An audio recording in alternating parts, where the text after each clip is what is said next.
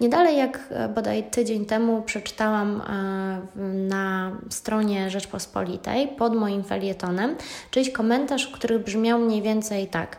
E, łatwo mówić pani parafianowicz, skoro się wypromowała, wypromowała na TVN-ie.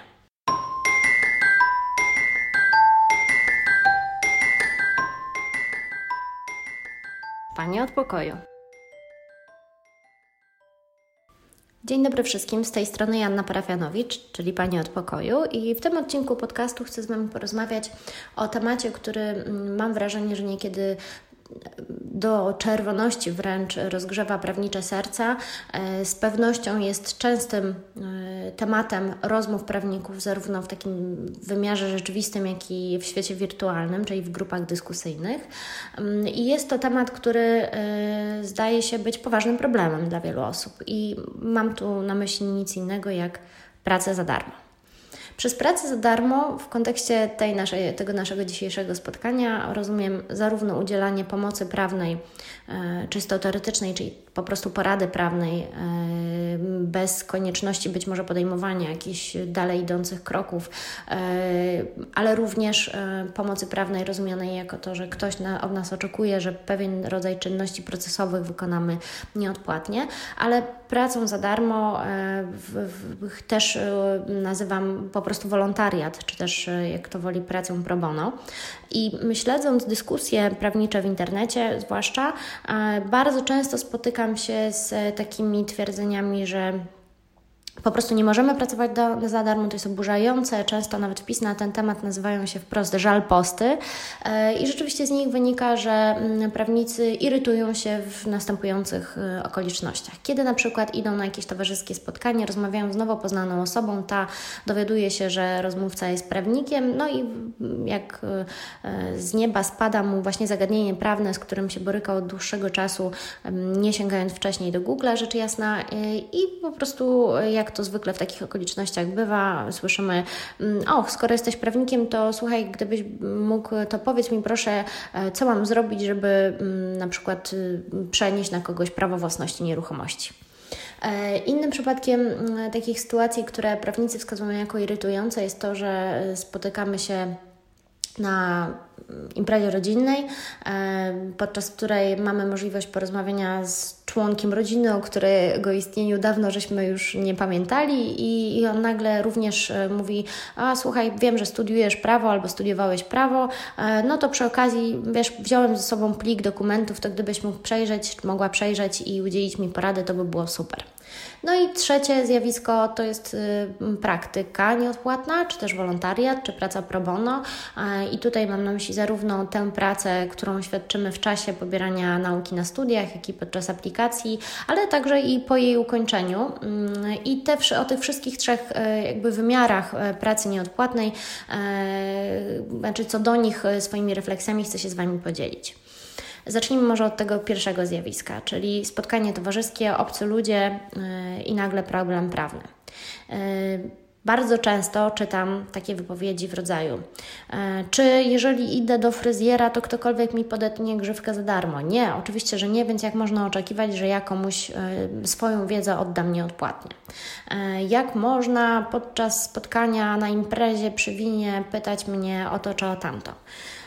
Słuchajcie, przede wszystkim mm, jako, no nie ukrywam, prawnik już z dłuższym doświadczeniem, e, mogę z całą pewnością powiedzieć, że e, jeżeli ktoś, kto mm, i tak nie szukał prawnika, czyli ktoś, kto mm, już nie podjął pewnych działań zmierzających do tego, żeby uzyskać profesjonalną pomoc prawną, zada Wam, nawet w towarzyskich okolicznościach, jakieś e, no, zwykle proste pytanie, na które co do zasady możemy udzielić odpowiedzi w ciągu 12 sekund, to zapewniam Was, że nie udzielając tej odpowiedzi, nie tracicie klienta.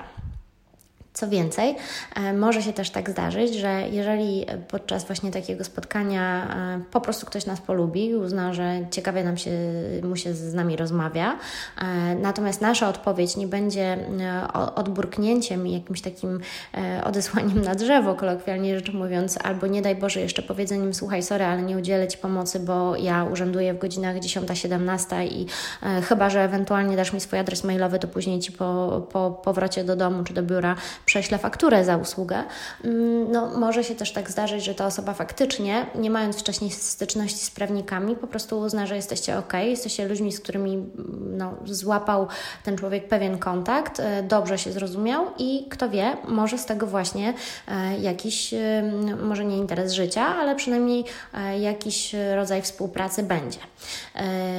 Jeśli chodzi o te spotkania rodzinne, sytuacja jest, no bym powiedziała, bardziej drażliwa. Ja od zawsze e, nie ukrywam, że też niekiedy się denerwowałam, kiedy byłam zbyt nachalnie e, nagabywana o pomoc tu i tam. Natomiast powiem szczerze, uważam, że też e, w jakichś takich relacjach rodzinnych, jeżeli nasza rodzina nie boryka się nieustannie z problemami, to znaczy nie jest tak, że codziennie musicie chodzić do sądu w sprawach członków swojej rodziny, to wydaje mi się, że dołożenie tej takiej swojej cegiełki do tego, żeby relacje pomiędzy bliższymi czy dalszymi członkami rodziny układały się ok, to nie jest jakaś taka wielka strata. Nie jest też tak, że. Mm, Jestem prawie pewna, że, że jeżeli Wy byście w drugą stronę skierowali jakąś prośbę o pomoc, to później byście jej nie uzyskali. Natomiast obawiam się, że w sytuacji, kiedy po prostu powiecie, no przykro mi, ale nie prowadzę rodzinie spraw, e, no to z tego może być kłopot. Natomiast rzeczywiście też e, trzeba powiedzieć sobie jasno, że z rodziną e, bywa i tak, że wychodzi się lepiej na zdjęciach niż w rzeczywistości i może się zdarzyć, że jeżeli poprowadzicie komuś sprawę, i ta sprawa nie zakończy się takim wynikiem, jak e, ten wasz mocodawca, e, czyli członek rodziny by sobie życzył, to z tego będzie kwas. I tak bywa faktycznie. E, ja też mam takie doświadczenie w swojej zawodowej praktyce. E, to nie ma sensu tutaj opowiadać o szczegółach, natomiast rzeczywiście w tych sprawach rodzinnych, i nie mam tu na myśli e, rodzinnych jako przedmiotu sprawy, a raczej źródło jej pochodzenia, mm, bywa faktycznie tak, że można niestety nadwątlić sobie relacje, więc trzeba pewnej hmm, delikatności i elastyczności w rozmowie rozmowie z takimi osobami, więc z jednej strony uważam, że jeśli możemy sobie pozwolić, mamy pewność, że to, co zrobimy, nie nadwątli relacji, e, czemu odmawiać, jeżeli, no wszystko w gruncie rzeczy zależy od tego, kto Was o pomoc prosi. Natomiast trzecim zjawiskiem, które tak bardzo pokrótce e, chcę poruszyć, to jest ta praca pro bono, czyli praktyka albo wolontariat, jak kto woli, nieodpłatne praktyki. I powiem szczerze, mam to doświadczenie za sobą. E, ja pracowałam jako wolontariusz odkąd pamiętam. Nie zawsze byłam wolontariuszem prawnikiem. E, zaczęło się od tego, że, że, że pomagałam e, w schronisku dla zwierząt na paluchu, wyprowadzałam gdzieś tam zwierzęta na, pra- na spacer. Zresztą pierwsze moje wyjście na paluch skończyło się przeniesieniem do domu kotka. I e, moja droga zawodowa, już późniejsza, też przez, zarówno przez czas studiów, jak i aplikacji, wręcz bym powiedziała, najeżona jest pracą nieodpłatną. I co więcej, ja jako adwokat również nieodpłatnie E, prowadzę sprawy. Oczywiście nie wszystkie, te, w których uważam, że powinnam, bo są ważne z jakiegoś powodu, e, wyjątkowe e, i też nie ukrywam dla mnie w, jakimś spo, w jakiś sposób inspirujące, rozwijające. Ja nadal prowadzę sprawy nieodpłatnie i mm, na, nie, niezależnie od tego, czy mówimy o pracy w czasie studiów, aplikacji, czy już po ukończeniu, szczerze powiem Wam, że ja uważam, że tego rodzaju praca po prostu nie hańbi. Oczywiście ona nie powinna stanowić podstawy naszej aktywności zawodowej, bo jednak z czegoś trzeba po prostu żyć. Natomiast ym, mam też takie poczucie, że z tej pracy nieodpłatnej, w, na, w moim doświadczeniu, e, z, było najwięcej ciekawych innych doświadczeń, już niekoniecznie nieodpłatnych, e, natomiast wynikających po prostu z tego, że w toku takiej pracy poznaje się nowych ludzi. I nie mam tu na myśli wyłącznie klientów, ale też innych prawników, e, inne osoby zaangażowane, zaangażowane w pomoc pro bono. I po prostu w, w życiu prawnika, które jest oparte o relacje z ludźmi, które my niekiedy mamy tendencję e, zaniedbywać, okazuje się, że właśnie to, że kogoś znamy, powoduje, że do nas spływają kolejne sprawy. Jestem przekonana, że gdyby nie szereg spraw, które prowadziłam nieodpłatnie, dzisiaj moja praktyka zawodowa wyglądałaby zupełnie inaczej. Z pewnością byłaby mniej interesująca i satysfakcjonująca. I e, tak jak wspomniałam, ja nie namawiam nikogo do tego, żeby pracował nieodpłatnie, natomiast pamiętajcie o jednej rzeczy Prawników jest masa, e, zarówno adwokatów i radców, jak i prawników bez aplikacji, ale również tych, którzy aplikują do, wykonania, do wykonywania tych zawodów.